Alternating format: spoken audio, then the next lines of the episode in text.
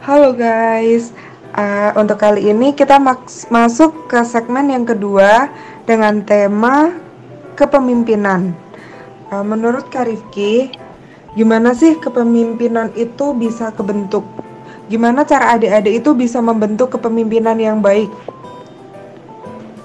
Oke, uh, siap. Uh, jadi uh, membentuk kepemimpinan ya yang pertama itu uh, ketika adik-adik semua diberikan tugas oleh orang tua misalnya tugas apa ya?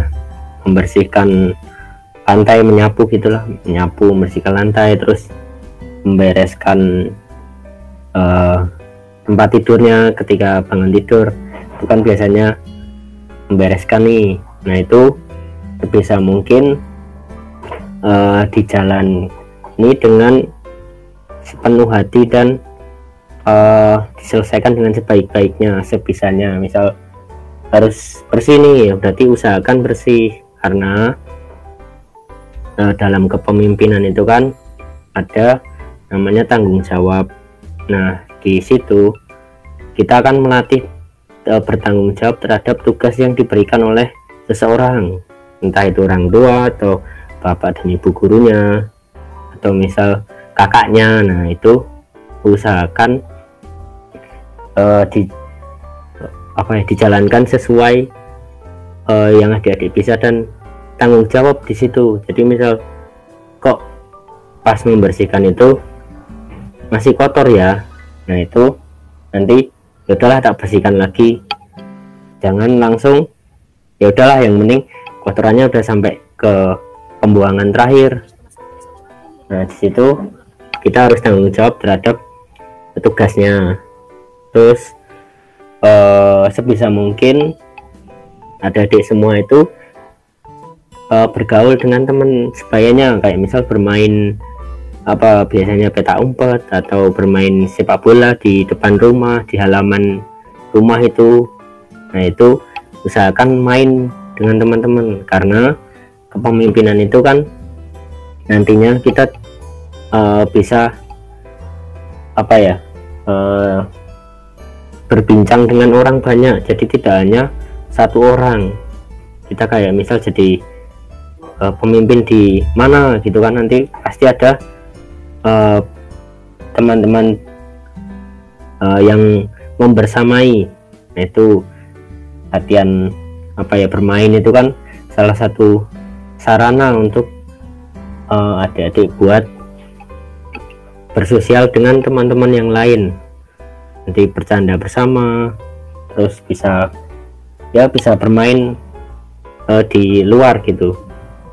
Terus kalau di sekolah juga bisa menjadi uh, apa ya so, sosok uh, ini pemberi semangat atau mengajari teman-temannya yang tidak bisa. Misalnya ada salah satu teman yang tidak bisa matematika. Nah kebetulan si ADA bisa. Nah itu eh, diberikan eh, pemahaman terhadap anak yang belum bisa. Belum bisa tambah-tambahan ya diajarin.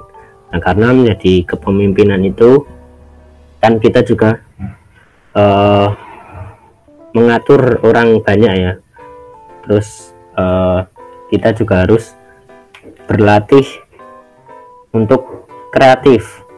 Nah di situ ketika adik-adik menjelaskan ke teman bahwa harus seperti ini harus seperti ini itu kan berarti kreativitasnya keluar.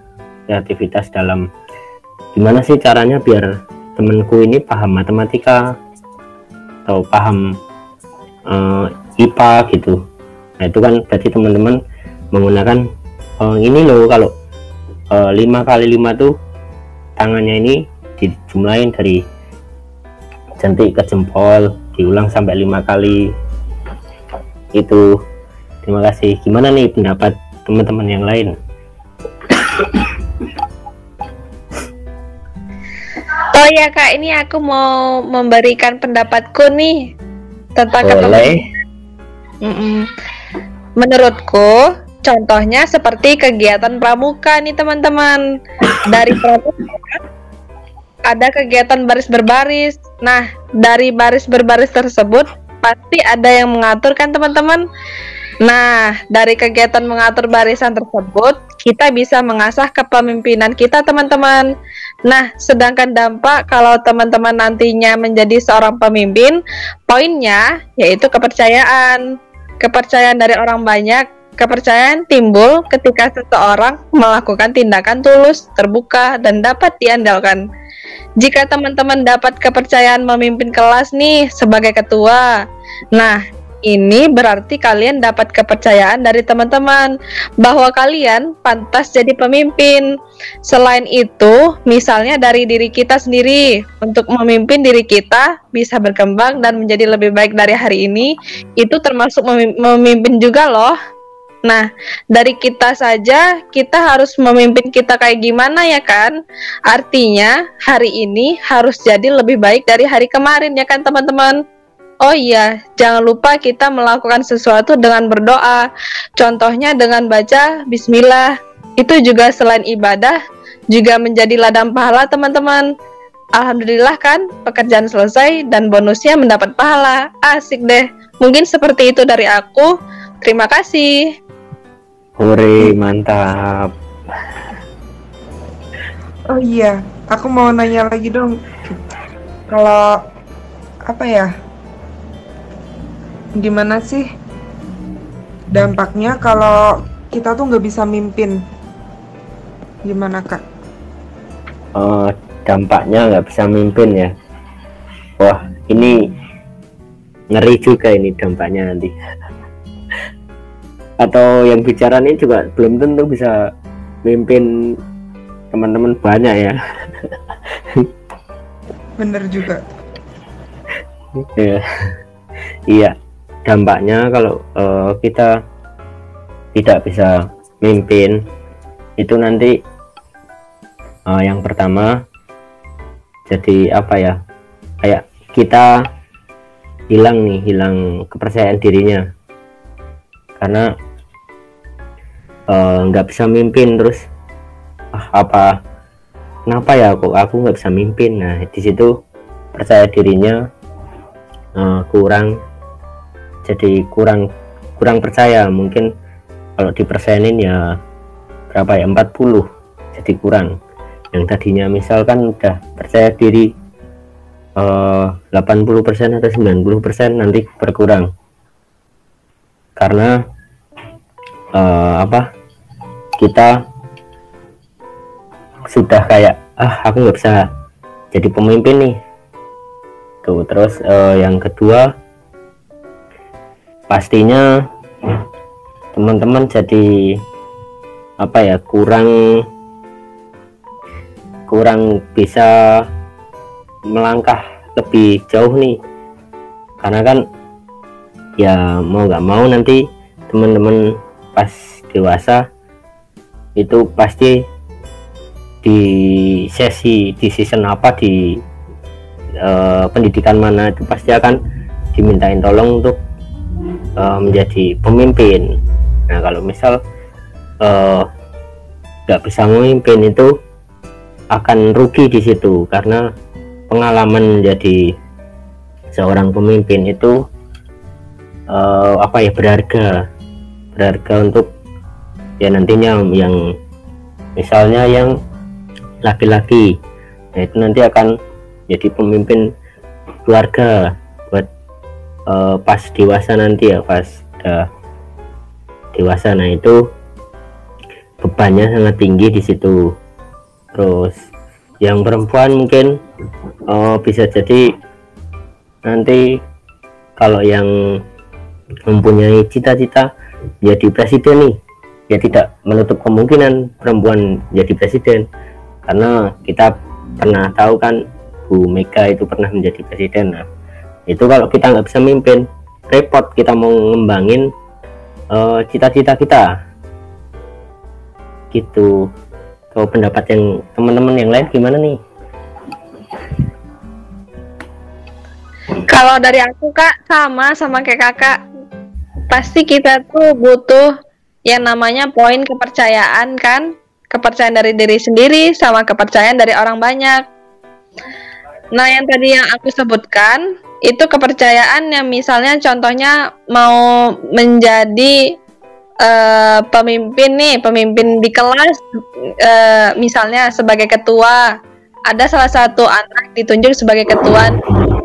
Nah berarti kan anak tersebut dapat kepercayaan dari teman-teman bahwa mungkin dari sifatnya yang mungkin bisa dia bisa mengatur orang banyak. Nah dia cocok jadi pemimpin. Mm -mm. Nah jadi pemimpin tersebut dari sikap tersebut uh, bisa berkembang loh menjadi lebih baik dari hari dari hari misalnya uh, apa namanya itu? Uh, ke apa hmm, jiwa dia ke pemimpinan dia tuh bisa berkembang kalau kalau dia mau menjadi lebih baik dari hari ini misalnya. Memimpin diri sendiri untuk menjadi lebih baik misalnya uh, bilang ke diri sendiri kalau aku bisa melakukan hari ini dari hari kemarin gitu. Jadi misalnya kata-kata aku bisa, aku bisa, aku bisa itu mungkin motivasi dari diri kita sendiri itu lebih penting menurut aku ya teman-teman. Mungkin dari itu da mungkin dari itu pendapatku. Oh keren nih. Berarti kita tuh harus motivasi diri sendiri dulu ya Mbak. Uh, iya betul itu. Uh, Oke. Okay. Segmen buat buat segmen 2 ini uh, cukup sampai di sini. Mungkin ada kata-kata mutiara lagi dari Mbak Nadia. Oke. Okay. ini jargon dari aku nih teman-teman.